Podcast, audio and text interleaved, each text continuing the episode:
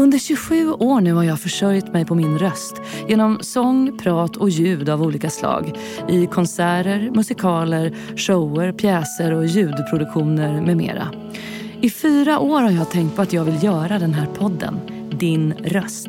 Med fokus på rösten som verktyg, instrument, möjlighet och skyldighet.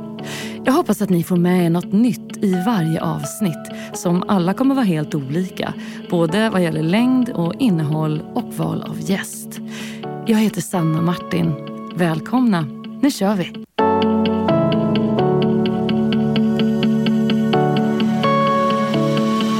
Din röst.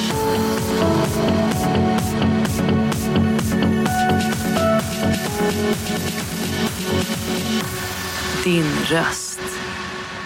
Ja, men är du redo Lasse? Ska Ja, vi börja då? Då ska jag scrolla upp här. Och då säger jag ju med stor glädje i rösten varmt välkommen till min podd Din röst, Lasse Granqvist. Tack så mycket. Eller säger man Lars Granqvist? Vad vill du att man säger? Nej, ja, eh, nej, min mor hon är eh, över 90 år Ja. men fortfarande vid livet, eller i livet. Och eh, hon säger ju Lars när hon är irriterad på mig. Det är liksom det där. Annars vill jag ju att man säger Lasse, det är enklare. Men det har ju Ja. blivit så också nu med eh, noggrannheten med namn. Du kan ju inte hämta ut ett paket längre om det inte står exakt som det står på ditt eh, nationella ID-kort eller ditt körkort. Precis, Så därför så blir det ju att man, jag skriver ju nästan alltid Lars. jag förstår. Eh, Men mail, korrespondens och sånt där efter så slutar jag med Lasse G.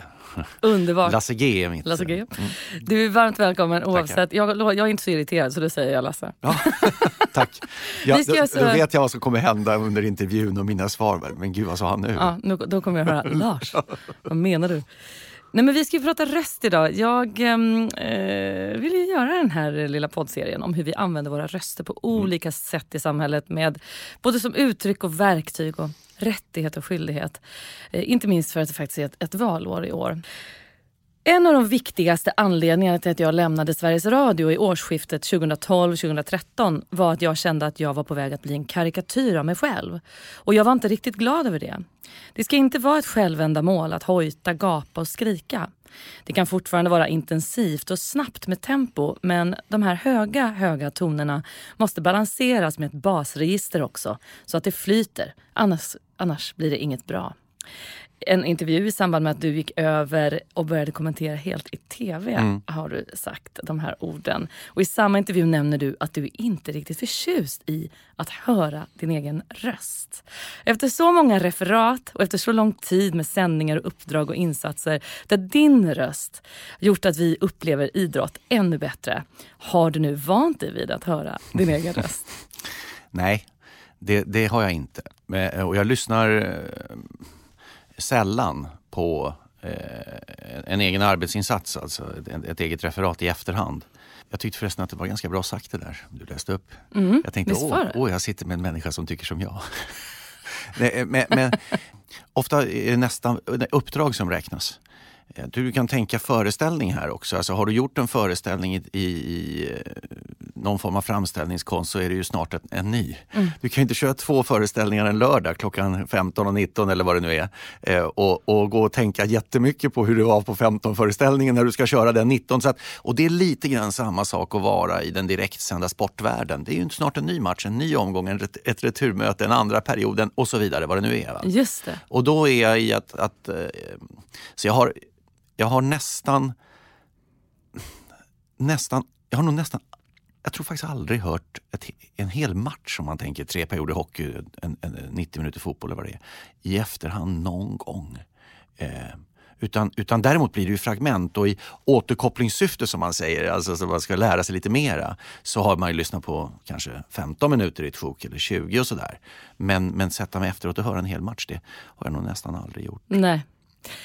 Din röst är ditt instrument. Har den hängt med bra tycker du? Eller har du haft problem med rösten någon gång och fått besvär och fått ställa in något uppdrag och så? Ja, men den är ju en superkompis.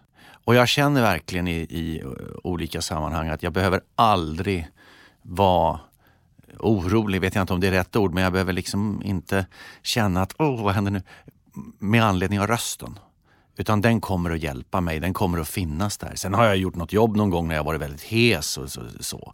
Eh, det, det, har ju såklart hänt. Men, men eh, i grunden så, så den, jag, jag, känner mig väldigt lugn och trygg tillsammans med min röst. Ah. Och det var det också som jag tycker, när vi samtalade om via mail då, eh, att, att jag, jag skulle få möjlighet att komma hit så var det just att jag, jag jag tycker ämnet är så spännande. Mm. Men det är ju det. Eh, din röst, och särskilt då när vi pratar om att det är ett valår, för då är ju rösten ännu viktigare. Mångbottnad fast det, Ja men verkligen, och det tycker jag, jag tycker den träffar väldigt rätt. Och rösten är ju för, för, för eh, att, att ha ett, ett yrke som innebär att du möter människor med rösten så blir ju den liksom ett absolut avgörande verktyg. Verkligen. Men jag känner, jag känner en, eh, det är en superkompis skulle jag verkligen vilja säga. Vilket fint ord och vad, vad eh, vettigt att se det så, tänker jag. Ja, och, den, och, och, och, det är också avdramatiserande.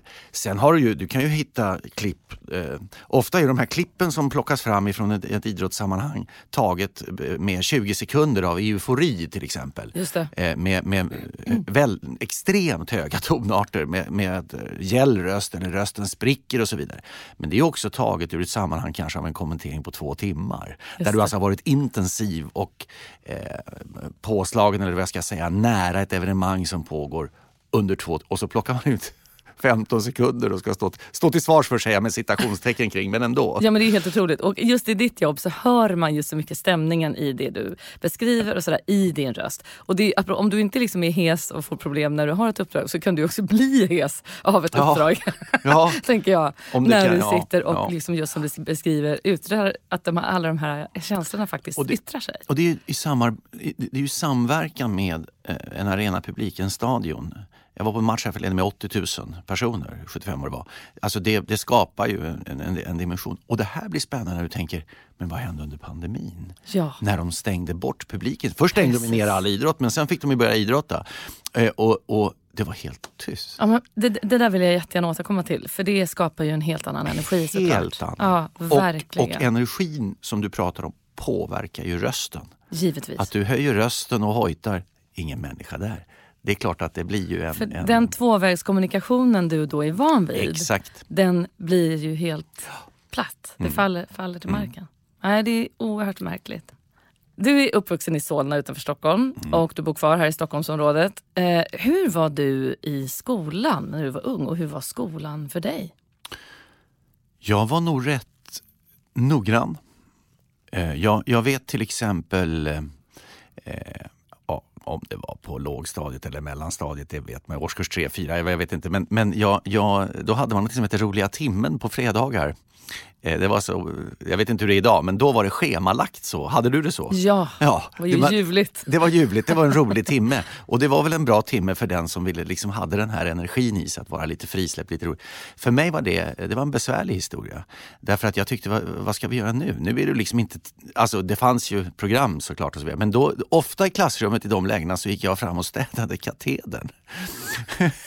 Alltså sorterade, alltså där åt, läraren. Va? Alltså sorterade papper och vässade pennor. Det var ju, på den tiden vässade man ju blyertspennor.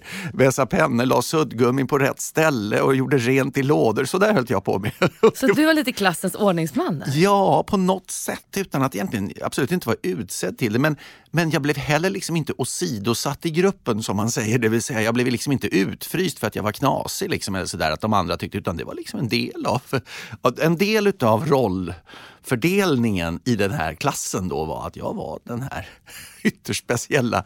men så var det på roliga timmen. Så att, att vara estradör eller, eller ta plats i ett det har jag aldrig gjort, utan snarare tvärtom. Det är därför jag tror att just vägen in med radio är så härlig. För det är ju, det är ju jag och ofta en expertkommentator, eller man jobbar tillsammans med någon precis intill. Men sen är det ju ingen annan. Nej. Ofta på den tiden när jag började med det var det en ljudtekniker med också, men sen är det ju du talar ju helt bara med... Som vi mm. sitter, jag talar ju, här sitter jag och tittar på dig, vi har mm. ett samtal. Men annars är det ju bara mikrofonen och puffskyddet. Mm. Eh, och liksom, sen är det ju stängt. Va? Mm. Så ordningsam tror jag är rätt beskrivning utav mig genom skolåren. Jag, var, jag, jag eh, insåg att när, vi kommer, när jag blev äldre under skolåren så insåg jag ju att eh, ska, ska, framgången ligger i att plugga extremt mycket för då får du höga betyg. Eh, och eh, då kan du lättare välja den vägval i livet. så att säga. För då har du en ganska stark buffert. Och eh, därför så, jag pluggade, eh, vi var tre stycken. Vi kallades för Jönssonligan faktiskt. För vi, vi hade, I gymnasiet så gick ju, det var alla lektioner, så ner till skåp och byta böcker och så upp till nästa lektion. Så det gjorde inte vi, utan vi hade plastpåsar med oss vi tre. Andreas, eh, Larsa och jag. Eh, och sen så gick vi från lektion till lektion bara. Och vi hade alltså lagt tempokassar. Var det. Tempo var ett företag ja. som fanns på den tiden. Ja, som man, föregångare till Åhléns Ja, men precis. Och så la vi då böckerna i det och så gick vi från lektion till lektion för att maximera tiden. Liksom. Vi tyckte det var helt meningslöst att liksom lägga 15 minuter på att byta böcker. Det förstod vi inte alls. Okay. Så att vi liksom var och pluggade stenhårt. Och jag pluggade på det sättet att jag lärde mig texter utan till. Det tror, jag, det tror jag, jag sitter verkligen mitt emot en person som kan stryka under vad det handlar om. ja men absolut, det, jag vill prata om det också. Jag har förstått att du är ett S på det. Ja, eh, och, och problemet i min hjärna i alla fall, jag vet inte hur det är för, för uh, den typen av, uh, vad säger man, skådespelare eller säger man uh, art, artist? Ja, artist, ja, är, det, är rätt ord eller? Ja, det kan det vara. Jag, jag, säger nog lite av varje. Ja, ja Okej, okay, det är blandning. Men jag, jag, det, det, är liksom att lära mig intensivt eh, utan till. Och sen har jag en hjärna som helt raderar. Men du, har inte du lite så fotografiskt minne? Ja, Tror du inte det? Att du kan för... scanna en liksom, sida och se så här, stycke ett är det där, digga, digga, ja, sådär. Ja. Det kan vara så, men jag har också en del av minnet som raderar. Så att från, jag, jag, hittade, jag flyttade här för några år sedan, då hittar man ju, så, här, så är det ju alltid, de går igenom, oh, så låg en så här eh, provskrivning ifrån gymnasietiden och jag blev alldeles förfärad över att jag hade ju uppenbarligen skrivit det där. Ingen aning om vad det, svaren på frågorna och vad, vad, vad historia eller religion, jag kommer inte ihåg. Men, men liksom jag, helt bortraderat alltså. Och det hade jag lärt mig utan till. Ja, och det var, för lärarna, lärarna sa ju det att det är, det, det är en avskrift av. De, de liksom misstänkte mig ju Alltså, det. För att, alltså, hur kan du komma ihåg? För att jag hade lärt mig det utan till. Men vet du, det där är ett begrepp som har återkommit i vissa av de här avsnitten som jag tycker också är en grej som är intressant att, att syna under lupp. Det är det här begreppet bildning. Att, att det finns ett gammalt oh. citat från Ellen Key att bildning är det vi har kvar när vi har glömt bort allt annat. Och det du beskriver det är ju liksom att vi lär oss någonting för stunden, det är vi sätter oss in i någonting väldigt skarpt inför till exempel ett prov på skolan och så. Men sen har du ju kvar mm. Allt det andra. att liksom kunna få perspektiv och sådär. inte det fint att se när du ändå jo. ser att så här, visst, det raderas grejer i hjärnan men väldigt mycket som Nej, men, inte ser finns liksom, kvar. Tänk, tänk döda poeters sällskap. Alltså det är ju precis skillnaden mellan att lära sig det som står i läroplanen och förbereda sig för livet. Precis. Det är ju liksom... Eh, man skulle vilja ha en uppföljning utav den där man såg vad hände med de här. Ja, och man skulle vilja ha den här klassen. Eh, en, en, ett perspektiv på det här tycker jag som, för barn och ungdomar. Att, eh, att de också ska kunna reflektera tillsammans. Ja. Och inte bara vara så fastlåsta vid vissa uppgifter och, och resultat som det faktiskt är idag. Ja, så var det i alla fall när jag... Eh, för det jag beskriver är ju precis det. Men alltså jag, jag och jag, jag tyckte jag hade skickliga lärare och, och liksom en, en, god skolgång. Så absolut ingen kritik mot någonting ur det perspektivet. Men liksom om man höjer blicken med ett par, tre nivåer, ett par, tre tankar så finns det ju andra saker att fundera kring. Mm, jag, jag, kan till exempel undra, eh, empati för mig är ett, ett, ett fint begrepp. Mycket. Eh, jag tycker att det ska införas på skolschemat. Alltså, alltså, man ska alltså lära sig, att, det vill säga kunna sätta sig in i hur en annan människa uppfattar och känner. Eh, känner sig i en viss specifik situation. Mm. Eh, den måste man nog prata om. Och, jag menar, sociala medier och det här sättet att alla blivit sin egen publicist. Jag, jag, jag är ju till exempel för att allting som ska publiceras på sociala medier ska ha en fördröjning. Eh, det vill säga, du kan inte trycka ut eh, det du skriver just precis om vi tar ett eh, idrottsskeende, ett pågående skeende och så det, blir man arg på domaren eller sitt lag eller den som kommenterar eller publiken eller vad det nu är. Den man sitter och tittar tillsammans med matchen. Kan mm. sitta och titta med tillsammans. Ja. Men i alla fall, då ska man ju twittra det, en idiot och dåre och så använder man ju så starka ord. Va? Otroligt. Precis som när du är på ett idrottsevenemang så kan man ju titta runt sig och reagera för att, men gud vad säger de? så, jag tror inte domaren, nej men gud sa du det om domaren verkligen? Tror du det? Ja, är han verkligen Eh, och så vidare. Men alltså, lägg en fördröjningsfilter liksom på så efter tio minuter kommer texten tillbaka och säger du skrev så här, vill du verkligen publicera det? Briljant! och då kanske man känner att oops.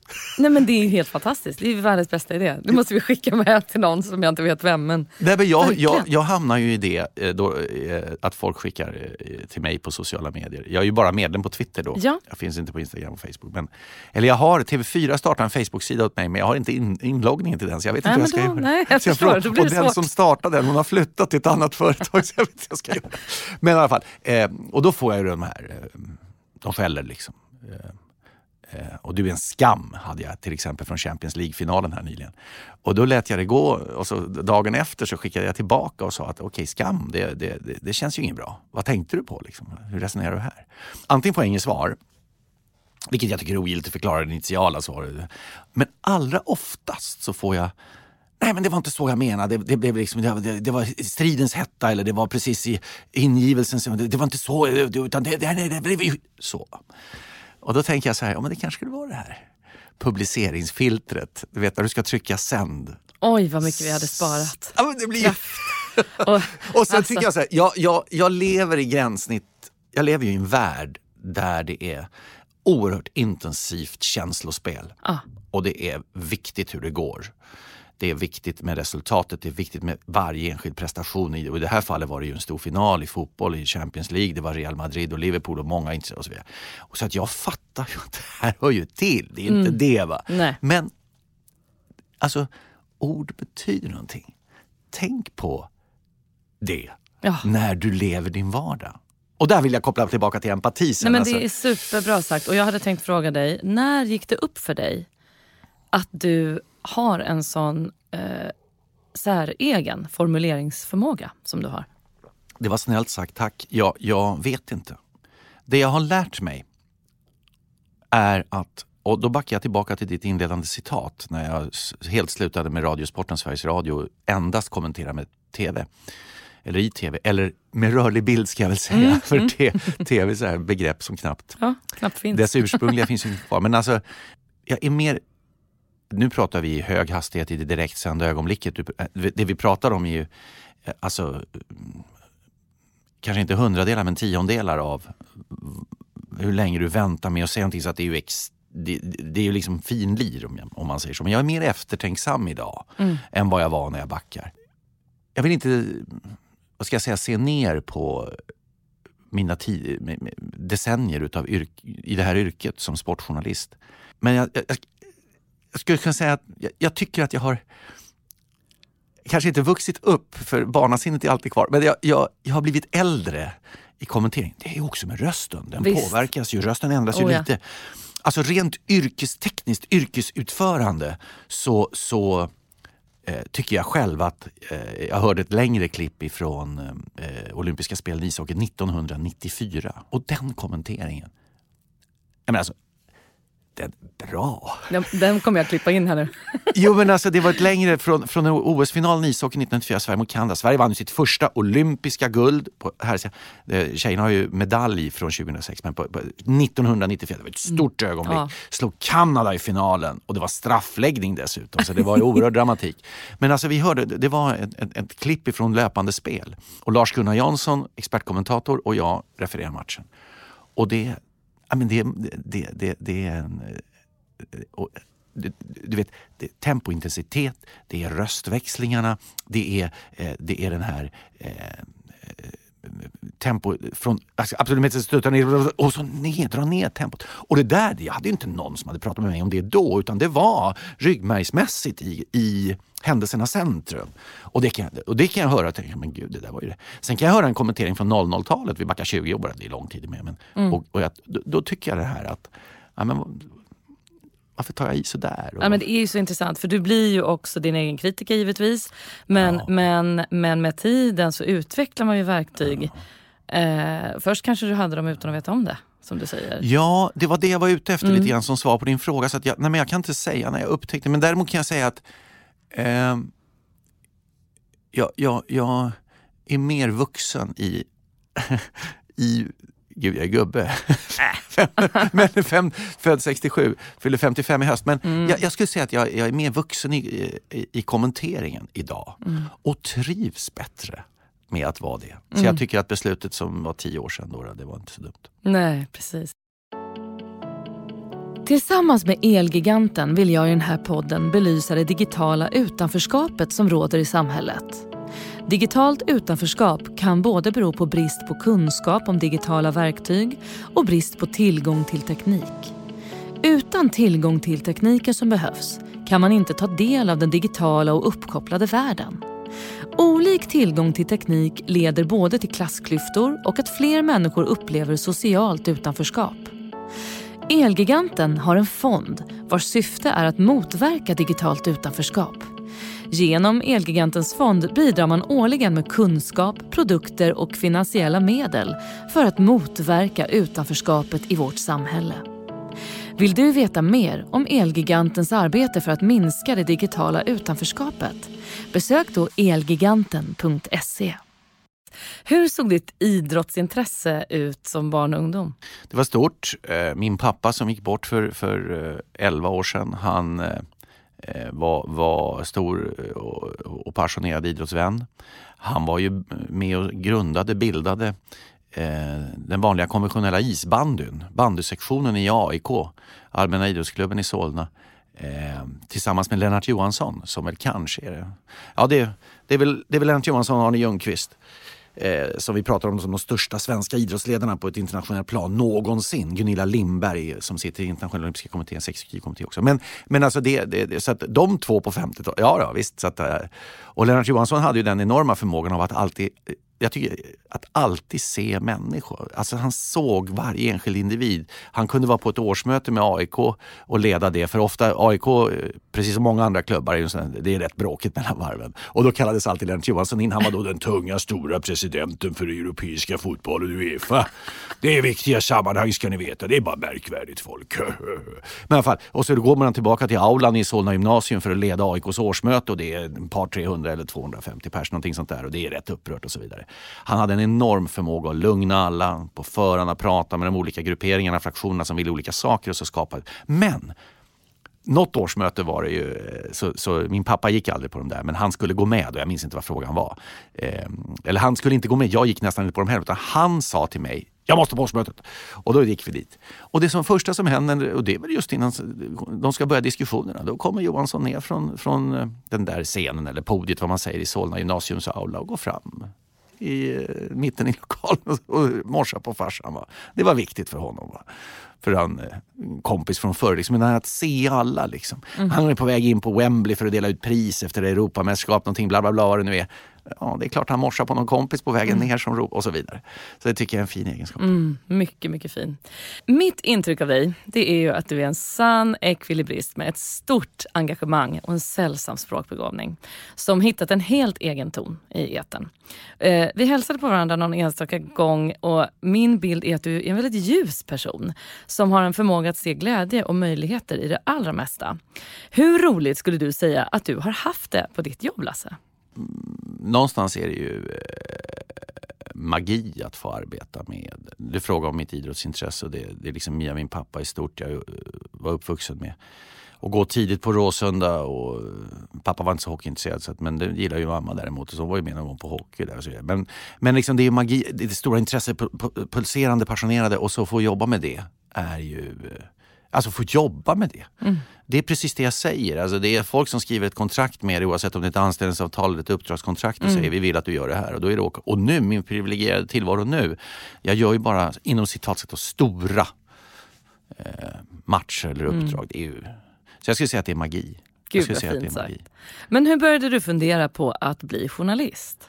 Ja, men det, det där, den där frågan den är, den är vass därför att eh, det var inte en, i närheten av att vara någon journalistik i att kommentera. Och det, för mig var det inte tv någon gång, det var alltid radio. Mm. Eh, när, när vi satt och tittade på, på stora matcher på tv hemma hade jag alltid, och på den tiden var ju, var det ju, det var alltså sån här liten fickradio var inte så vanligt utan det var en stor tung transistorvariant liksom som, eh, med kassettbandspelare var ja.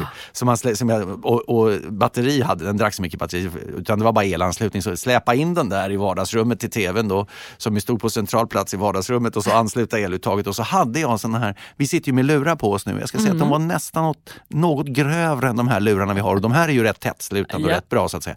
Men, men, och, och helt avskärmad från, för att lyssna på Radiosportens referat till den tv-matchen som då pågick. Och på den tiden var det ju i princip synkat helt och hållet. Du kunde ha radioljudet på till tv-bilden.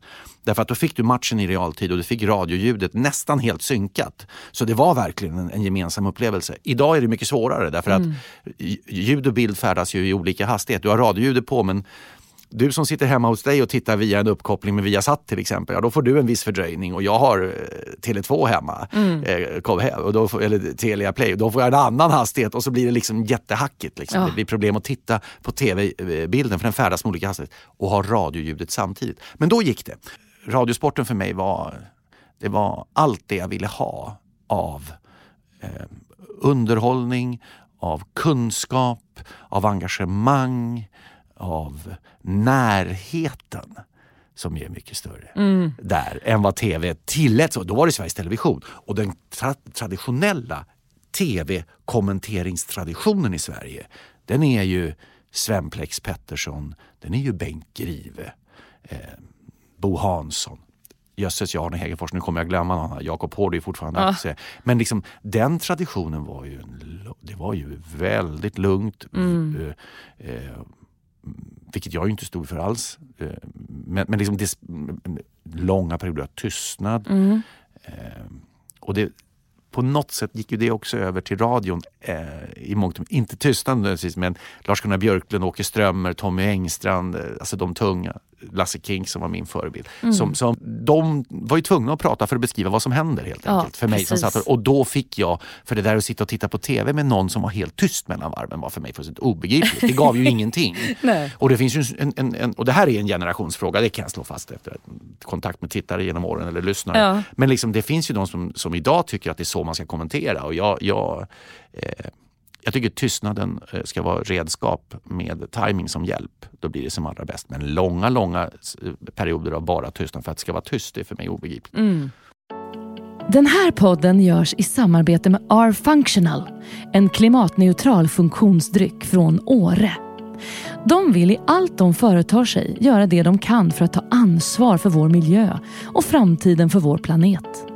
De vill att människor idag ska kunna leva och bo i samhällen fria från skadliga ämnen i både jord, luft och vatten. R-Functional tror på att ge människor tillgång till törstsläckande drycker, lokalt producerade i Sverige, framställda på naturligt mineralvatten och berikade med naturliga ingredienser. Genom ett för miljön minimalt belastande sätt levererar de fossilfritt från sin tillverkning i Åre och ut till sina kunder i resten av Sverige. Allt för att göra så små avtryck som möjligt på den här planeten och för att vi och nästa generation ska kunna känna naturens krafter även i framtiden. Läs mer på rfunctional.com. Utan tvekan skulle jag ju säga att du är en av våra definitivt mest populära sportröster. Hur blev det då att du kom in på Radiosporten? Det måste ju varit som ung, alltså det måste ju varit ett, ett rejält nålsöga tänker jag. Oh ja. Eh, Och, och, eh, då såg jag det inte alls som journalistik som vi var inne på. Utan jag, nej men jag kontaktade Radiosporten. Hur gör jag för att komma in och se det? Och då svarade Björn Fagerlind som ju var eh, Radiosportens starka, eh, tunga redaktionssekreterare. Han flyttade sen ganska kort tid, eh, det här var 1987, han flyttade ganska kort tid efter att jag kom dit sen. Eh, just i bryt, bytet av decennium där mellan 80 och 90-tal flyttade han till Sveriges Television. Han blev kvar till pension, han är, men han kör ju han hade väl någon alpin tävling här förleden. Med, tror jag. Men, men jag, jag ringde hur jag får komma till er. Ja, du måste gå Journalisthögskolan, sa han. Hur gammal är du? Ja, bla, bla, bla. Jaha. Men du kan få komma på en praktikvecka här på sommaren. Så då I augusti 1987 var jag där en vecka och fick gå sida vid sida med Lasse Kink. Och då var det Solvalla då, det var någon allsvensk fotbollsmatch och sådana grejer. Liksom. Och så blev jag inbjuden i studion en, eh, på lördagen där i augusti 87 med Roger Burman som programledare. Och här går våra historier isär ska jag säga. Så om du ringer och dubbelkollar med Burman och hans inversion. Jag hävdar ju att den jag har är den rätta, men man kan ju diskutera om det. Men Roger uppmuntrade mig. Han hävdar nämligen att jag trängde mig in i studion helt enkelt bara för att få snacka i radio. Och, och Eh, de kunde inte stoppa mig. Liksom. Men hur som helst, så då fick jag läsa Lottoraden och de tyska Bundesliga-resultaten.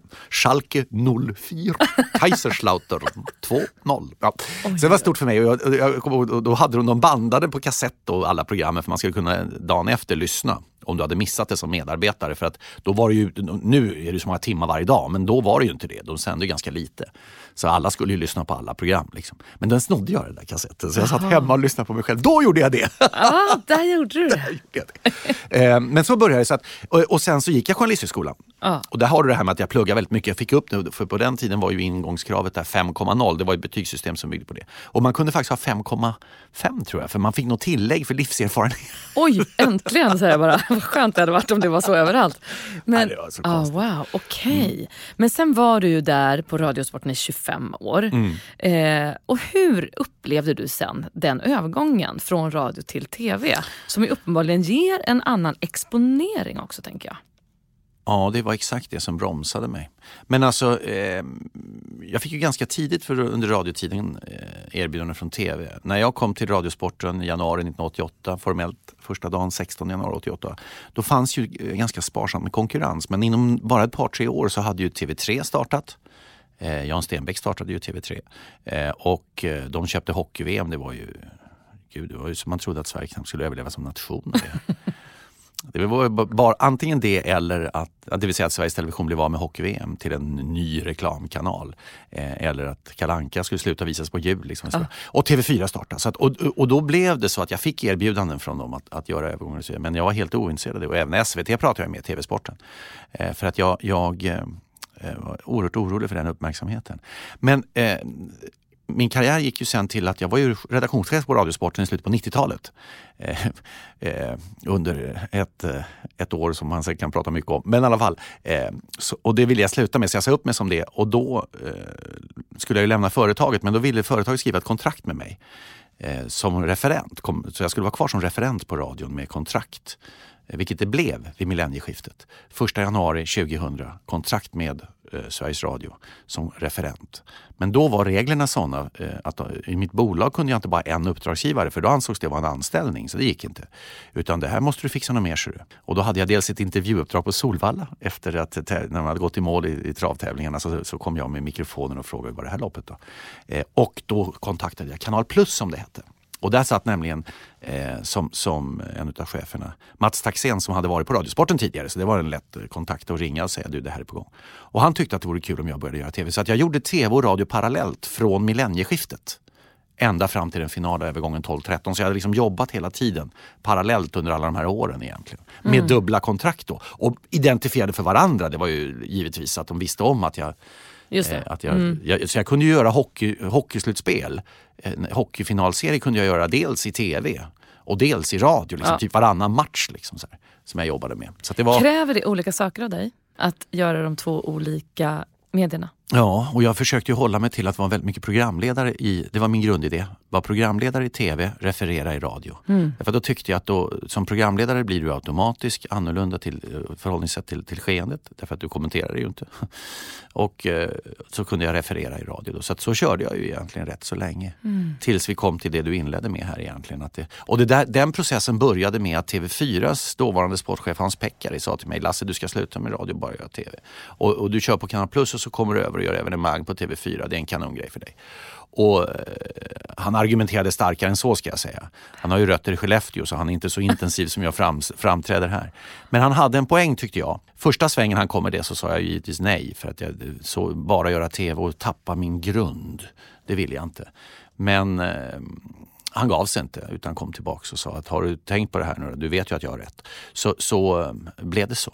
Så det var, han som var, det var hans fel beroende på vad man tycker om min yrkesprestation att jag hamnade där. Jag vet inte exakt när i min karriär jag hörde det här men det var tidigt att någonstans så ska vi inom teatern ha med oss tanken om att om halva publiken är döv och den andra halvan av publiken är blind så ska vi liksom vara medvetna om vad det kräver av oss på scenen. Det kräver ju då givetvis att jag berättar ungefär samma sak med både min röst och den ljudmässiga dynamiken med språk och betoning och så som det jag gör med min kropp och min blick och min riktning och min hållning och så och den fysiska energin. Och det här måste ju helt klart finnas med också i ditt uppdrag och dina jobb kan jag tänka. När vi pratar om det här med radio och tv, nu nämnde du att du är mer programledare i tv. Men eh, vi hör ju din röst berätta vad som händer och ska liksom all dramatik och hela förloppet ska ju rymmas i din röst. Hur mycket har du arbetat med att få ut maximalt av ditt berättande i dina referat? Generellt sett ganska lite. Däremot numera så, så vi har ett mentorsprojekt på, på TV4, eller Telia eller Simor. Alltså allt, allt, vi, vi är ett eh, kommunikationsbolag, herregud. Eh, och då, i det, ett sånt projekt så lyssnar man ju en del. Eh, ganska mycket på hur andra gör. Och eh, det, det, kan alltid vara härligt att plocka fram ett exempel från en egen kommentering. För att använda som eh, grund för samtalet. För då är det liksom helt ofarligt för alla som sitter och ska tycka om det för det är ju någon annan som har gjort det. Mm. Eh, och, och, och, det spännande med, med, med, är att det finns ju mängder med detaljer hela tiden som kunde gjorts på ett annat sätt. för så är det ju med ett levande materia, med när ett evenemang som pågår, man kan välja olika vägar fram mm. och det är väldigt svårt att säga vad som är rätt och fel. Det finns en linje, du ska inte svära, du ska liksom inte ha Alltså det finns några saker som, som eh, du inte får göra i en kommentering. Men ja. annars är det ju du som lyssnar. Det är ju, det är ju betraktarens ögon och öron som avgör om det är bra eller inte. Mm. Och det är därför några tycker i samma, samma, samma material säger några, nej men gud vad bra. Och ja. andra säger, ja gud, det där är så dåligt så jag blir galen. Ah. Lite, men numera vi pratar om, om eh, detaljer i kommenteringen som jag kan märka. Tempo, växlingarna som är så viktiga hur du använder tystnaden som ju är ett oerhört starkt instrument. Det har blivit starkare, ska jag säga, den mm. detaljen idag. Mm. Därför att rätt många pratar rätt mycket eh, och dugligt högt. Eh, eller högljutt ska jag säga. Så, så, så, så tystnaden blir helt plötsligt ett, ett, det kan vara, är du skicklig på att hantera det i samband med matcherna så kan det helt plötsligt vara någonting som är ett avgörande moment för att det blir upplevs ännu bättre. Oh. Eller en avgörande detalj. Mm. Eh, men, men jag har inte in, in, inte tillbringat särskilt mycket tid med att fördjupa mig, förkovra mig. Liksom, utan säger man inte självlärd i Jo. De som har blivit uh, skickliga hantverkare utan, ja, mm. utan, att, mm. utan det har liksom kommit den vägen. Och sen mm. är det ju att sno så mycket som möjligt av andra som du uppfattar som... Ja, Absolut. plocka det som är det bra detaljerna, bra delarna. Absolut. Det tycker jag är en fin egenskap. Men ditt jobb kräver ju en enorm närvaro. Hur förbereder du till exempel för att du ska kommentera en match? Pluggar du på ordentligt och alla spelares namn eller är det sånt där du bara kan eh, mm. över hela världen idag? Eller hur, hur går det till inför ett stort uppdrag? Som till exempel Champions League-finalen som ja. du nämnde nyss. Eh, det är, för min del i alla fall har Champions League är ju Europa fotbollens absoluta topp. Eh, och då ska du ju helt plötsligt grotta ner dig i, i olika europeiska ligor. Eh, Premier League förstås, Serie A, La Liga, den franska, den tyska. Eh, och eh, jag har inte jobbat med Europa toppfotbollen sedan Premier League lämnade den kanalen jag var på och gick över till, till Viasat, Viaplay för x antal år sedan, ett decennium säkert. Så att det har varit ett enormt inläsande för mig. Och, och då handlar det om den grundläggande faktakunskapen om, om varje spelare. Eh, och det har jag Excel-fil på med ett särskilt färgsystem. Jag sitter med mina överstrykningspennor som de, de, betyder olika saker. Vunnit en titel eller vunnit en individuell eller med lag eller eh, gjort en övergång för mycket pengar. Exakt vilka klubbar de har varit i. Det finns ett färgsystem för en klubb i Sydamerika, för en, en spelare som kommer från afrikanska kontinenten. Och så, olika färger då för dem in i det. Eh, och, och hur de har rört sig i Europafotbollen och så vidare.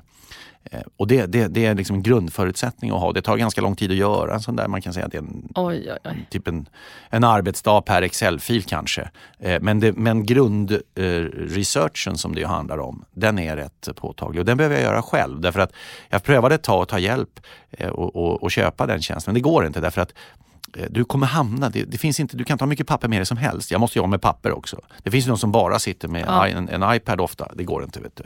Utan jag måste ha det på papper.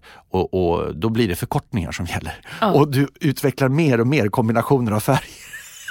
Så att om, om, om du och jag skulle, skulle eh, vara på samma match så, så har jag gjort förberedelsen och ska göra matchen och så, så blir jag magsjuk och kan inte och du ska hoppa in. Och, och, och de säger, men ta Lasses förberedelser. Du skulle, du, du skulle nästan få, alltså det skulle vara ett oerhört, ett gigantiskt stresspåslag. Det ja. skulle inte fungera. Alltså, otroliga förberedelser. Så det är mycket, det är mycket, ja det är mycket så. Oj, oj. Och sen är det ju dessutom då spelarna, spelarnas karaktär. De här, så, så att, och det är också mycket som görs tillsammans med experten eh, som ju kan det mycket bättre egentligen. Liksom. Eh, vad, vad det är för typ typ av eh, eh, egenskaper som de här spelarna har i sina olika positioner och vad som kommer och bla bla bla. bla, bla. Så det är ganska mycket. Men Ja. för min del handlar ju det här om, precis som du förbereder i ditt uppdrag, så handlar det om att kunna allting när det börjar. Ja. Och jag tycker Arne Hägerfors har det så himla bra. Han säger så här, jag kan inte allting men jag vet var jag ska slå upp det, säger han. Och i det här fallet betyder det för min del att jag vet att informationen finns. Hur många spelare i Real Madrid vinner nu sin femte Champions League-titel? Jag har ju den informationen. Och då är det blick ner. Jag vet att det är blå penna och jag vet att det finns, längst ut till vänster har jag satt den där blåa överstrykningspennan. Liksom, du vet, du sätter den bara en liten prick så här. Dyk, dyk, dyk. Och så står det ett antal, jag vet det. Och då är det om det är, om, om det är sju eller åtta till exempel. Alltså för, och då tittar jag snabbt. Och jag vet exakt, så blicken sitter exakt i det läget. Liksom. Just jag har ju glajjor nu med glasögon och, så. Ja. och de är ju skurna, vad det nu heter. Så att jag vet, ja, men så att det blir perfekt att bara titta längst ner. Så man tittar, ja, där är ja, och då sitter den, och det här går ju väldigt fort. Va? Så så måste du jobba. Så du måste ha gjort förberedelserna, ha koll, känna tryggheten. Men när de spelar, då är det ju nästan, det är ju som jag beskriver, när du söker en sån uppgift, då hamnar du i pappret. Annars är det ju bara med matchen. Och en sån match, du har ju rest med de här spelarna under, i mitt fall då den här säsongen 21-22. Så att det, eh, det ska mycket till för att du säger fel på ett spelarnamn i ett sånt läge. Det ska mycket till. Otroligt att höra alltså.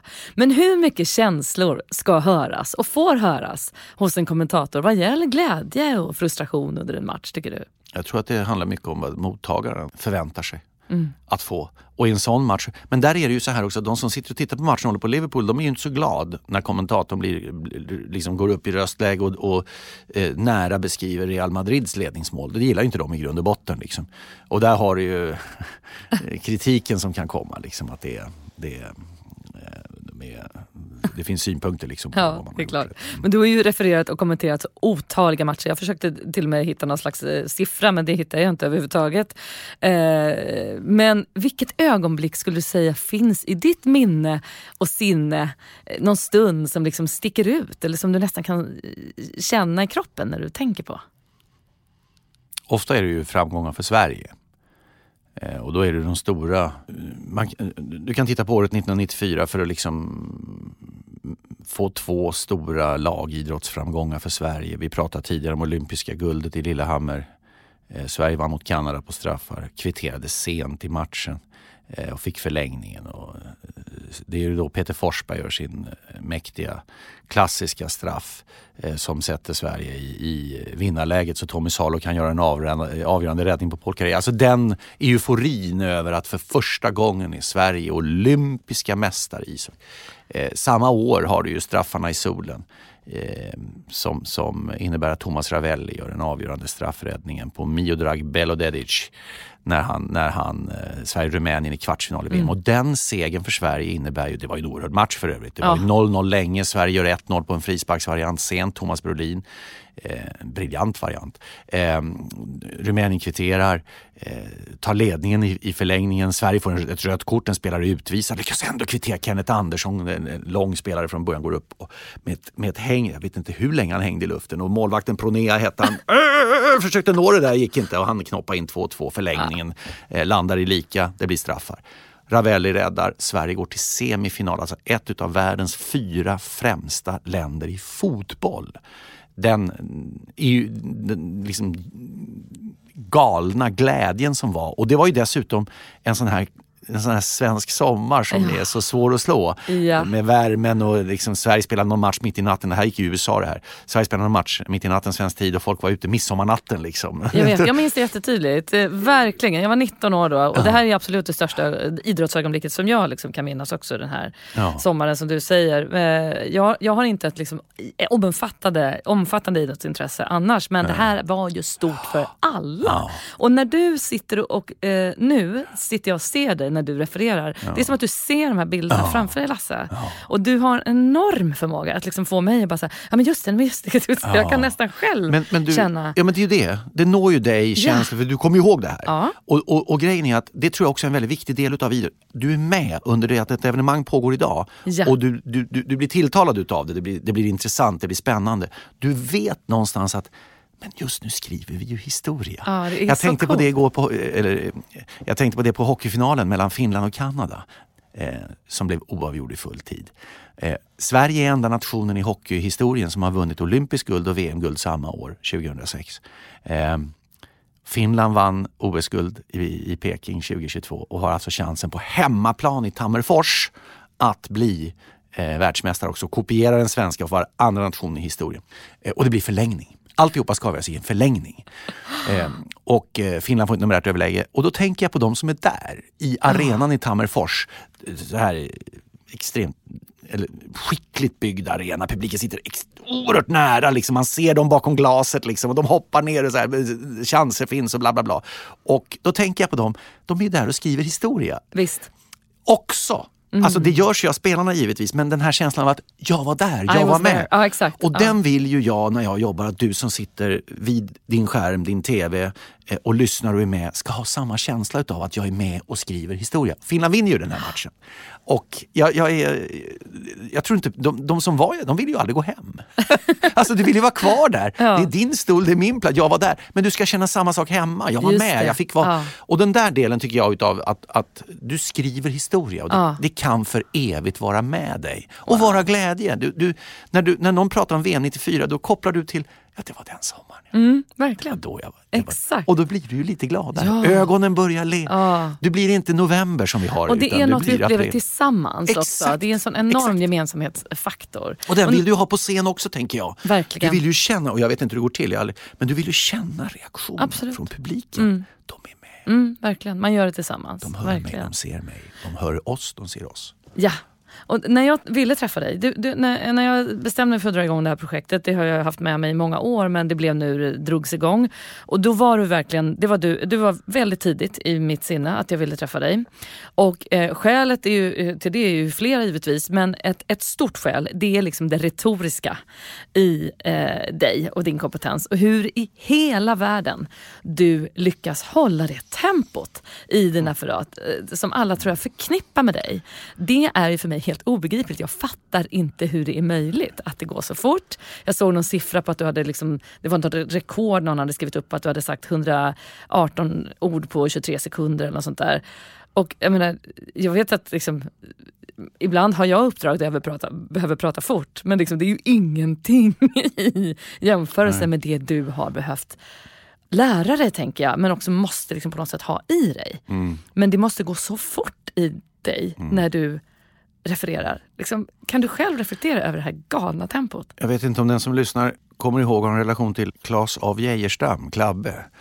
Det är ju liksom diskjockeys, diskjockernas diskjockey. Ja. Ehm, vi hamnade i en situation där vi skulle läsa till ett manus. Jag tror att det var Hemsöborna faktiskt. Han kom en april... Det, det, det, jag vet inte hur det Ja. börjar nu bara för det. Men det Ett högarnas som hals. Ja, men den där, Ja, jag, tänkte, jag visste att du skulle kunna. Men i alla fall, eh, och, och vi skulle läsa och eh, det var väldigt spännande vem som skulle vara snabbast. Och det var ju löjligt för jag var inte i närheten.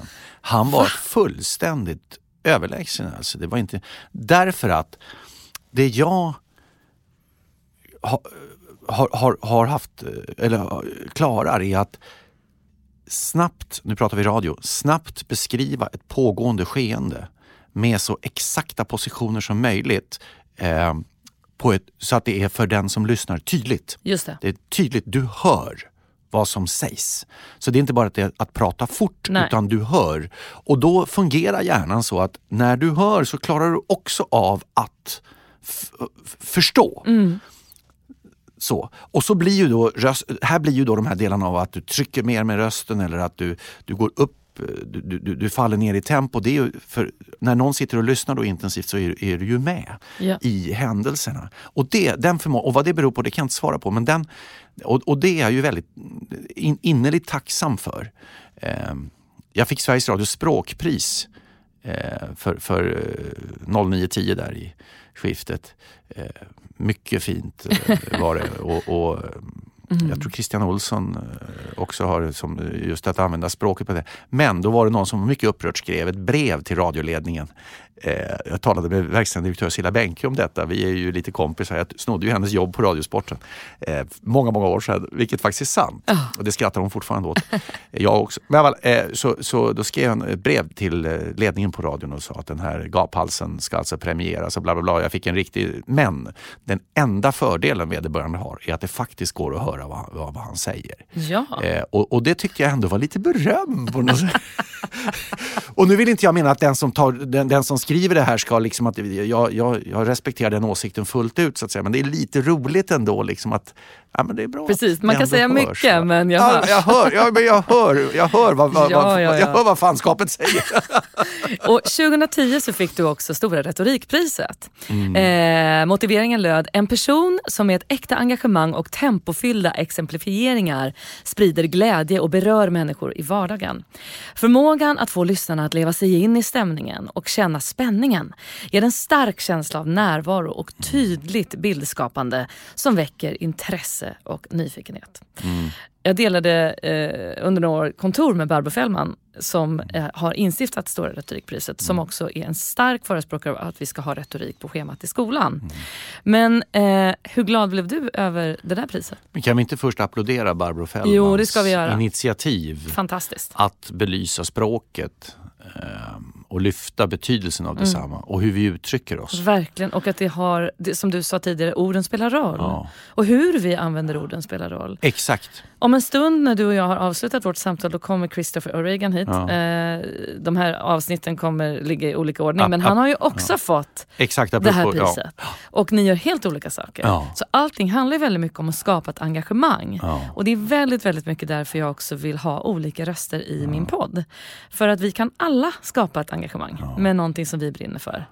Eh, så det är ett fantastiskt initiativ, det håller jag helt med om. Men vad tänkte du när du blev utsedd, när de hörde av sig till dig? Det, det kan vara lite slentrian, så att- men jag sitter och säger att jag blev, blev chockad. Men grejen var så här, då, det tog de bort sen tror jag.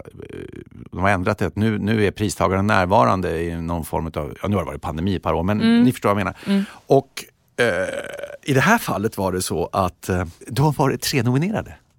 Jag var en. Bara det var ju, var ju för min del en oerhörd... Jag visste, vad, fick du det här ifrån? sa jag till Barbro. För, för då, och då var det prisutdelning. Och de nominerade tillsammans med mig var Susanne Osten Åh, och Jonas Gardell. Wow, vilken först- trio! Vilken trio, eller hur? Wow, och då förstår du ju själv. Och det här var, det, det var, då samarbetade de med Posten eller Postnord eller vad det ja. Så i Solna där, den där stora, det ser ut som en uh, Finlandsfärja? Ja. den där kåken där. Så eh, i något konferensrum där så det var himla fint anordnat. Och jag var ju helt övertygad om att i den här konkurrensen för ett sånt pris som inte på något sätt har eh, skärningspunkt sport, idrott, utan det har ju skärningspunkt allt, så är jag ju chanslös. Så jag gick verkligen dit och var trevlig kopp kaffe och snacka med. Jonas Gardell dök aldrig upp. Eh, jag vet inte om han hade blivit sjuk eller något. Jag har ingen aning om. Han var inte där i alla fall. Men jag, och vi visste ju inte någon och vi presenterades med videor. Det var så här, det var... Wow, vad spännande. Ja, jag måste ja! säga det här till Barbro, hon måste göra det här igen. Alltså Susanne Osten är ju en vansinnigt spännande. Fantastisk. Vansinnigt Vad mycket spännande. hon har gjort. Ja, nej, men verkligen. Och så blir det då att vinnaren är, det var ju spreta kuvert liksom. Och så var det jag. Jag tror att det var en ganska stor överraskning även för Susanne Osten som satt, vi satt ju nästan intill varandra, det var någon stol emellan. Så. Men, men så att jag, jag, jag, jag vill hävda att det var korrekt för mig att säga att jag blev chockad. Men, men verkligen innerligt glad över att sport, idrott, den delen av journalistiken, den delen utav presentationskonsten som jag står för nådde så långt. Det var häftigt faktiskt. Mm. Är- och jag hyllar verkligen in- initiativet. Ja. Det är så viktigt med vad vi säger och hur vi säger det. Håller helt med. Och när vi säger det. Du lyckas ju också med en annan sak som jag tycker är, är anmärkningsvärd. Att du lyfter sammanhang som kanske inte ter sig så intressanta för alla. Som jag nämnde, jag är ingen enormt idrottsintresserad människa så egentligen. Men du gör idrotten underhållande och tillgänglig. Eh, var det här någonting du eh, liksom, tycker att du har gått in för att göra? Att det vi hör faktiskt inte bara ska vara en beskrivning av någonting som vi ser eller som sker. Utan även också en förhöjning. Mm. Nej, men däremot så effekten av jobbet, referatet, kommenteringen. När effekten blir den du pratar om, då är det ju häftigt alltså. Eh, och det har jag förstått att det kan vara. Jag minns gymnastikdirektör Rolf Baum i Täby. Han skrev ett brev till mig i samband med VM i fotboll 1994. På den tiden fick man nämligen handskrivna brev också. Eh, och det kom till Sveriges Radios redaktion adresserat till mig efter turneringen. Eh, och han skrev att han tackade så mycket för eh, kommenteringen och arbetet som Ralf Edström och jag hade gjort i samband med VM i fotboll. Och han skrev att det har hållit min mamma vid liv. Hon låg då på, på äldrevården eller vad man ska uttrycka sig som. Jag vet inte vad rätt ord är. Men, Mm. och var illa däran men hade radio som tillgång på rummet och lyssnade på nätterna på VM-fotbollen. Och hon hade sagt till sin son då Rolf när han kom att eh, jag kan inte dö än för det är så spännande. Hur ska det gå? Och jag njuter så mycket av eh, att få vara med. Och hon hade den känslan. Och han skrev det, jag har kvar brevet hemma, han skrev, eh, eh det är såklart väldigt känslosamt. Han återkom sen ytterligare något, in på hösten där, där mamman hade avlidit. Eh, och- det var ju hög ålder och multi, äh, livet helt enkelt. Mm. Men det nådde fram till mig. Jag fick en annan sån liknande reaktion som sa att jag, jag, jag ungefär som du säger, jag är inte så intresserad av idrott. Jag, och då var det en person som, en- det var en kvinna, hon sa det att jag och, och mannen, vad hette Hugo eller vad det var, han, han, han sitter och gapar framför TV. Jag tycker det är så ointressant. Hon skrev det. På och så gick jag, så jag gick ut i köket och, och vad hon skulle göra. Och där stod radion på. Som, på den tiden var det så att köksradion stod ofta på. Va? Och det var också runt 94 där.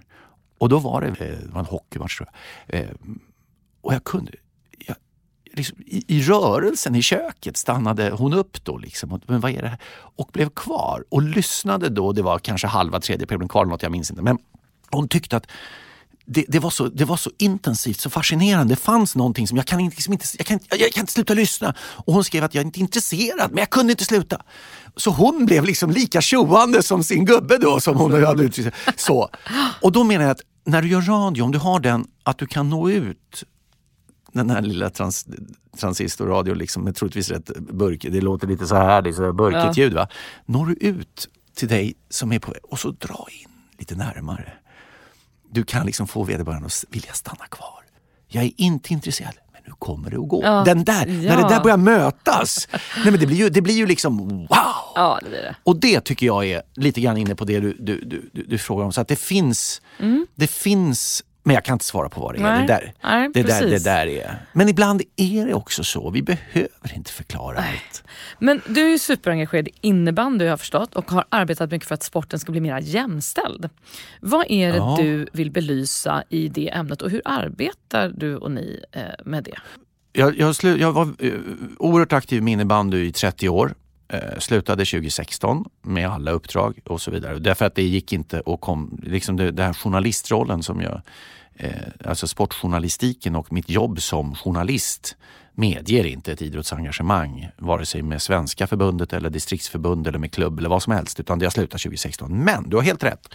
Eh, Eh, då har, då har Camilla Olsson i Värmland hört av sig. om eh, de, de har, Vi har ett jämlikhetsprojekt, jämställdhetsprojekt förlåt, som heter 50-50. Eh, spännande sa jag berätta. Och så, ja, sa jag, ja. Men vi vill bara att du gör en hälsning, vad smart du. Vi vill bara att du gör en hälsning till, en julhälsning till de som går, har antagit att gå. Det var en sån här digital kurs då det här. Pandemin, det var 2020 det här tror jag. Eh, Ja visst, sa jag, det går bra. Så jag, så här. Och sen så eh, satt vi och snackade lite och då tycker jag att det var, det var så... Eh, hon hade sån, tycker jag, självklar inställning till vad vi är vi pratar om. Eh, nämligen att, att eh, vi ska liksom inte... Jäm, jäm, jämställdhetsarbetet går inte, går inte ut på att eh, vi, vi, vi, vi ska upplysa alla om hur viktigt det är och vi ska ut och prata om det måste vara fler tjejer. Utan det ska gå ut på att det ska vara fullständigt samma reaktion när en tjej gör någonting som när en kille gör någonting. Det vill säga, och det tyckte jag, jag, jag, jag som ett bevis vad jag menar. Eh, VM-finalen för herrar i innebandy mellan Sverige och Finland, det är nästan alltid de, eh, eh, lirades här i december. Va? Jag satt och kollade på matchen. Eh, Sverige vann. Men du, du vet, det var i Finland. Det var otroligt liv och tryck. Och, du vet, sådär. Och, och jag är ju inne, jag tycker det är kul. Va? Så att jag, uh. eh, och så tänkte jag efter, men stund halva matchen spelade ungefär. Vilka är det som dömer? Vet man är alltid lite intresserad av domarna. Och så, så, men, men fan, är det inte två tjejer tänkte jag? Är det inte två kvinnliga domare som dömer?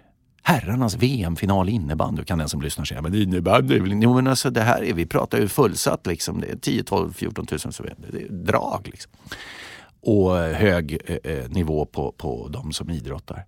Så jag var tvungen att slå upp det, på, alltså googla det och så, vilka är det? Och inte ett ord va, hade sagts om det. Och det är två kvinnliga domare! Alltså som man liksom bam, bam, bam, bam, bam, bam, pang! Vilken grej! Fyrverkerier och hattar. Ingenting. Utan, utan bara liksom referees of the game, pang, nu kör vi. Och så gjorde de det. Och det är det som det handlar om tycker Där jag. Och där har Exakt. Camilla så himla rätt. va. Det ska vara så självklart. Varför ska vi sitta och prata om det? Men verkligen. För det är liksom bara så självklart att det sker. Va? Och Vad det är det jag- befriande, vilket ja, steg. Och, det, och då tycker jag att det är där, och därför är jag engagerad i, i Ja. för jag tycker det, det, och jag åker gärna ut och pratar om det här och jag säger att eh, eh, Jaha, ska det innebära... Den vanliga man får är ju... Jag förstår inte att man alltid förställer rösten där när man ska Nej, säga... Om men någon, det, det, det, det, det är liksom bor i oss. om, om någon har en, en åsikt som inte är min så ska vederbörande låta ska lite så, korkad. lite roliga ut. Men då säger de så här, men det, det menar alltså att det är kvotering som gäller. Och då sa jag, ja om inte du klarar det på annat sätt så är det det. Men det är ju ditt jobb, som i det här fallet var en ordförande i en klubb, men alltså det är ju ditt jobb att öppna dörren för alla. Det är ju ditt jobb att se till att engagera flera. Och kanske måste du ställa frågan två eller tre gånger om det är en tjej. Därför att det finns hinder, det finns problem, det finns stopp. Jag är med i- som mentor i, i ett projekt för kvinnliga kommentatorer som vi kör på TV4 Simor. Varje gång jag säger det så vill de att jag också säger Telia. Oj, hoppsan. Okej, det blir mycket, mycket att tagga här i inläggen. Ja.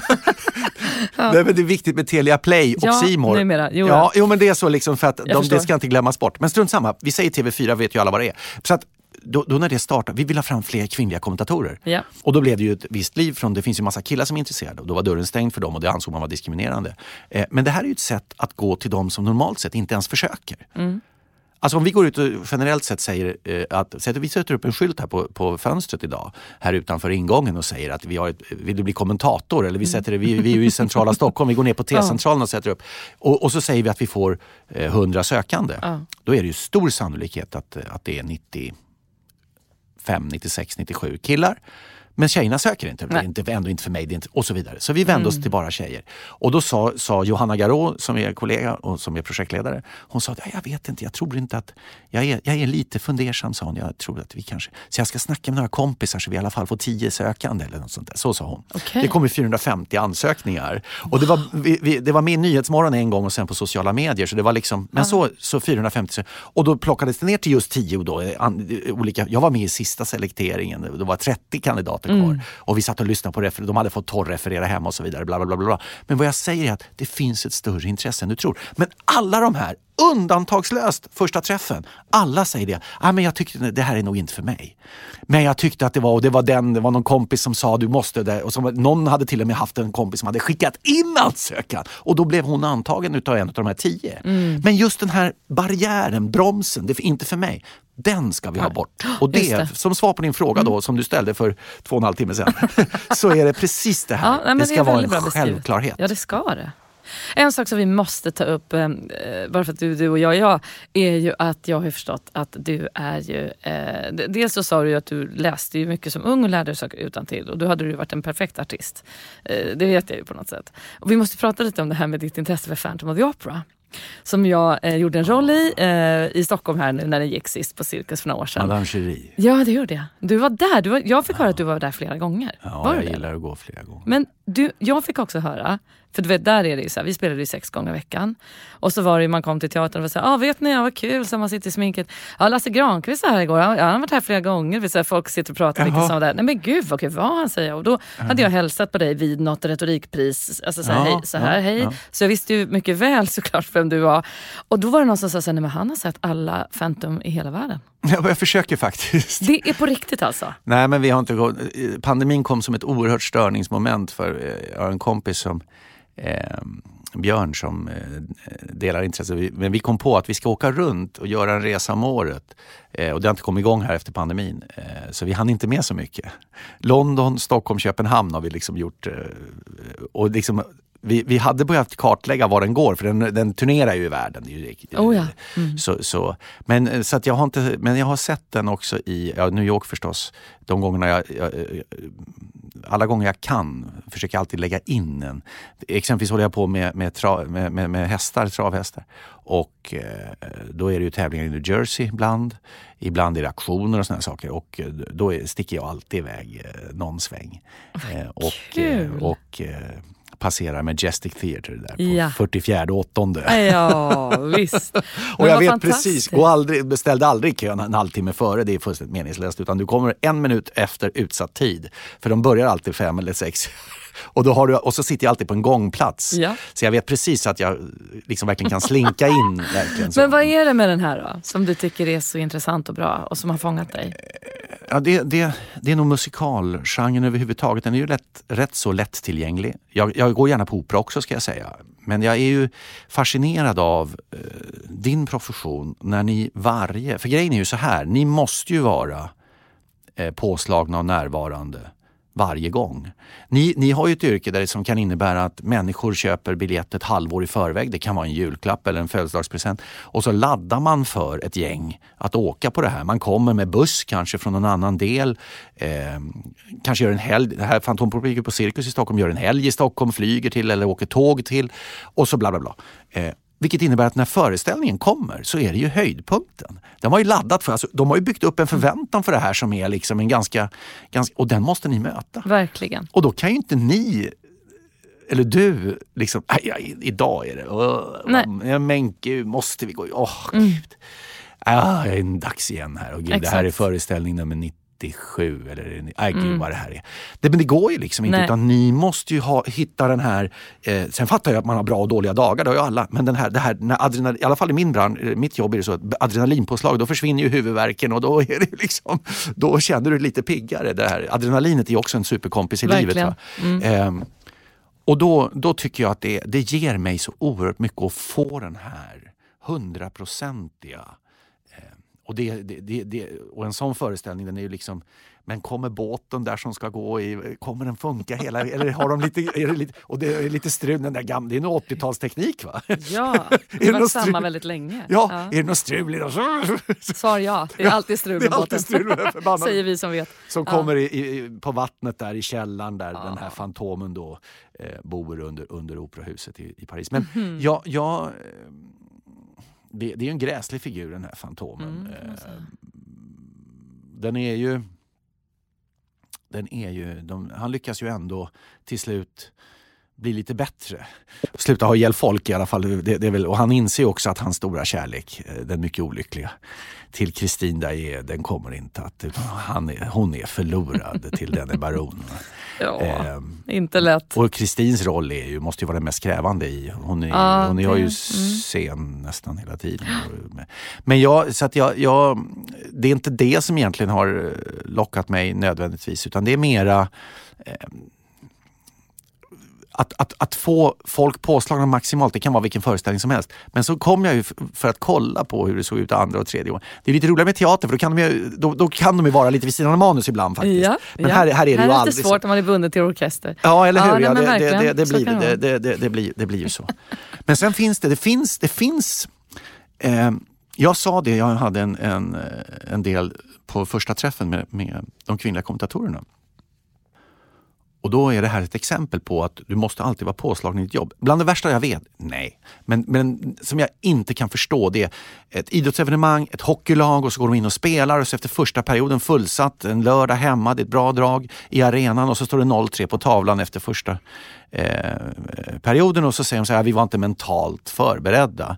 Eller om det är bortalaget som ligger runt så säger de nej men vi satt kvar på bussen säger tränaren efter en period för att Just förklara liksom Ja. att det var dåligt. Eh, och det är för mig obegripligt. Ja, det är det. Alltså fullständigt obegripligt. Och då har jag den här teaterjämförelsen eller den här artistiska jämförelsen. Och jag säger att gå till Gå till eh, Kungliga Operan i Stockholm efter första akten av Aida så kommer helt plötsligt operadirektören ut och säger ja kära publik vi ber om ursäkt för den här första akten. Vi var inte riktigt påslagna i ensemblen. Vi, gjorde lite, vi, vi ber om ursäkt, vi satt kvar på bussen. Nej, men liksom, och då har du de här som har kanske laddat för föreställning hur länge som helst. Mm. Så att jag menar, den här delen som ni har, den är jag oerhörd. Jag beundrar den oerhört. För att det är, ni, ni behöver vara där. Sen har ni säkert knep för att hjälpa varandra om man liksom inte är, Ja. man har eh, en deppig dag eller vad som helst. Men sen har du eh, Fantomens första framträdande eh, är ju när han eh, rycker med Kristin här och kidnappar henne nere i sin källarhåla där. Mm. De, de kommer åkande där. Ja, både, och och då, då har du ju den här Music of the Night och jag tycker den är Eh, jag tycker det är så spännande med svenska översättningar också som heter den Nattens musik på svenska. Den, är, blir ju, den första som Mika Samuelsson gjorde på den har ju sina oerhörda vändningar i svenska språket. Alltså där kan man tänka, hm. originalspråket är ju ofta lite snällare. Du vet att det var den första, eh, svenska var det första språket den över till. Oh. Mm, 89, 88, 89. Till den på Oscarsteatern. Men, men alltså, jag tycker det är som en kommentering. Oh. Alltså en kommentering av en match kan vara precis som inledningen av Music of the Night. Uh. Nighttime, uh. Nighttime sharpens, heightens each sensation. Darkness stirs and wakes imagination. Ja, det alltså, alltså, där har du, där har du ja, men tänk, tänk, tänk liksom hockeyfinal, match sju. Mm. Du släcker där, alltså det är precis det här som publiken känner. Du vaknar ju till liv med, och, och, och, och med handsvetten och med oroskänslan i magen. Det Och det är förhoppningsvis det som aktörerna känner också. Jajamän. Mm. Och jag tycker du kan, så det, det tycker jag är... Det finns mycket intryck att ta utav den världen du är i för oss som, som håller på med, med icke förberett manus då. och inte lirar ja, det, det... vi spelar ju också med en orkester, vi spelar ju med matchen. Absolut, och vi måste ju och vara tillsammans med oss till varandra. Ja, ja. Men så, det stämmer. Ja, jag skulle kunna sitta här och prata med dig om allt det här och hur mycket som helst.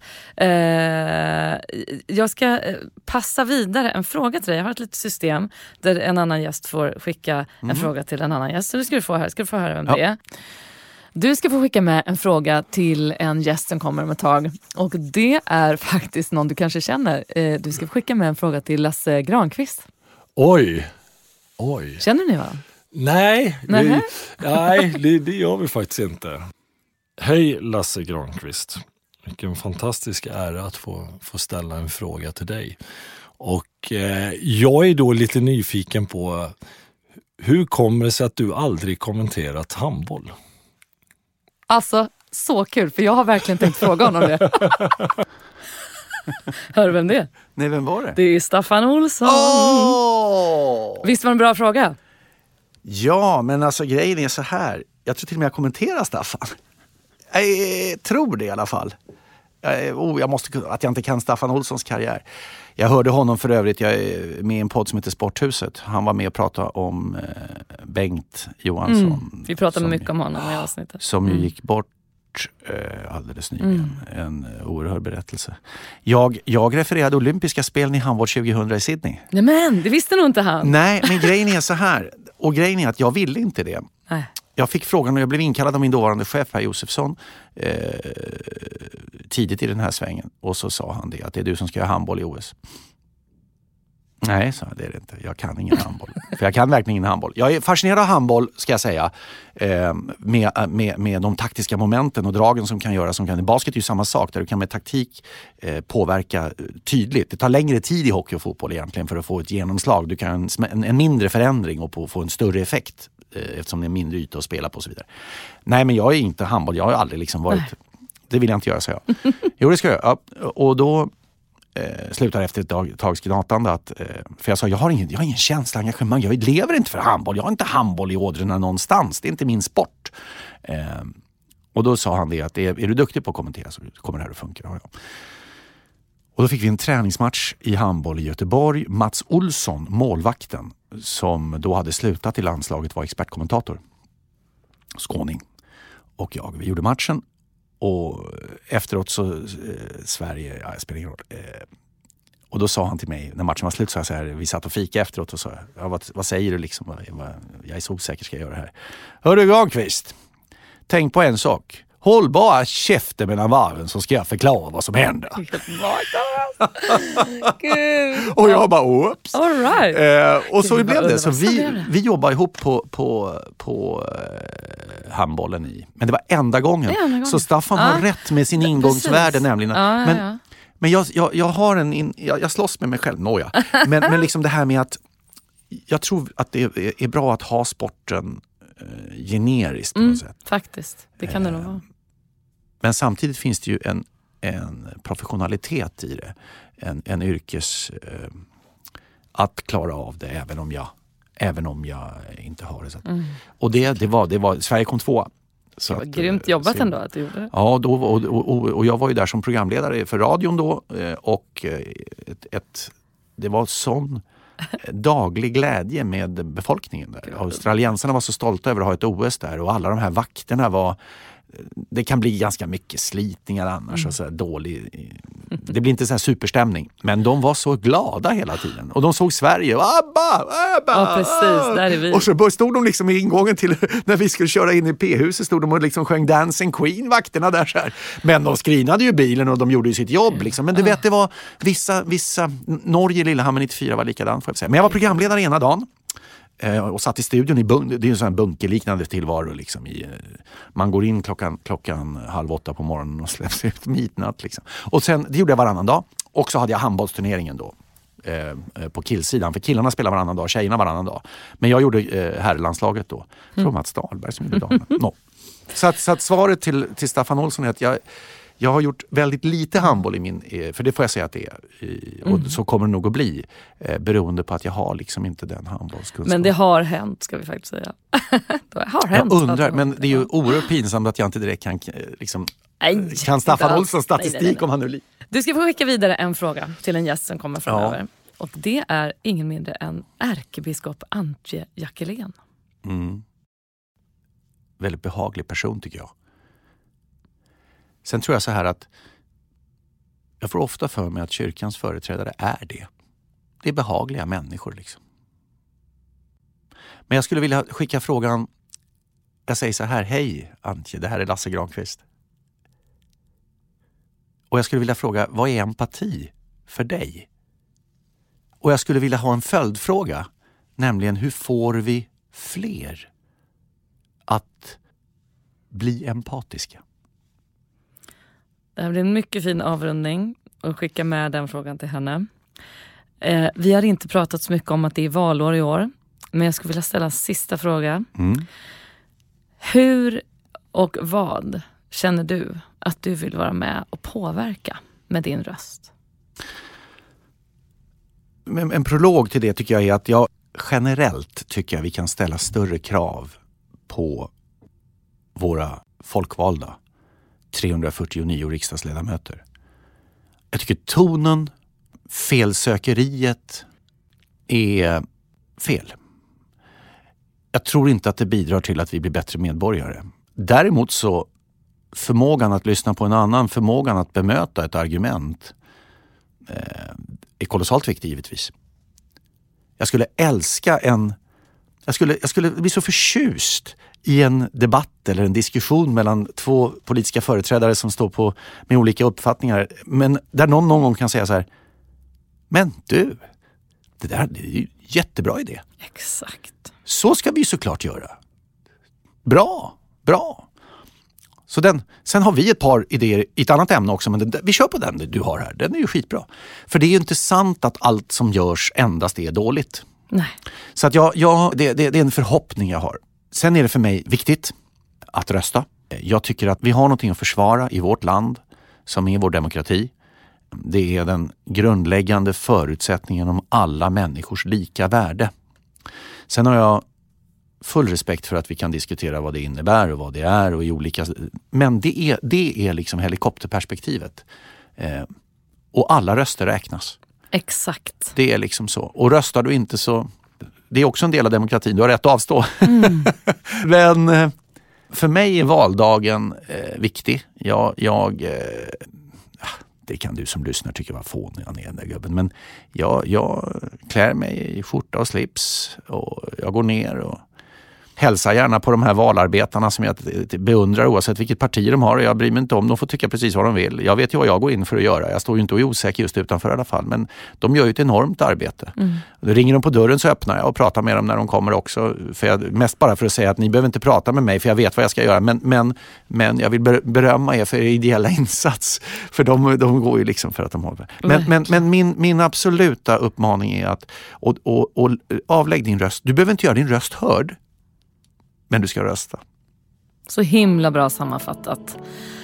Tusen tack för att ja. du ville komma och höja din röst ja. hos mig, Lasse. Det var otroligt kul att prata du, med dig. Du måste bara lägga 20 sekunder på hur var det att spela Madame Cherie? Det var jättekul och det var, eh, ja, det var väldigt oväntat för mig. Jag har inte alls en klassisk skolad bakgrund så att, att jag överhuvudtaget blev... Det här kommer jag att klippa bort. Tack för att ni har lyssnat en vecka till. Tack för att ni hänger med mig och mina gäster som höjer sina röster hos mig. Tack också till Elgiganten Sverige för att ni är med och stöttar mitt projekt och tack till R-Functional för att ni vill vara med. Vi hörs nästa vecka. Hej då!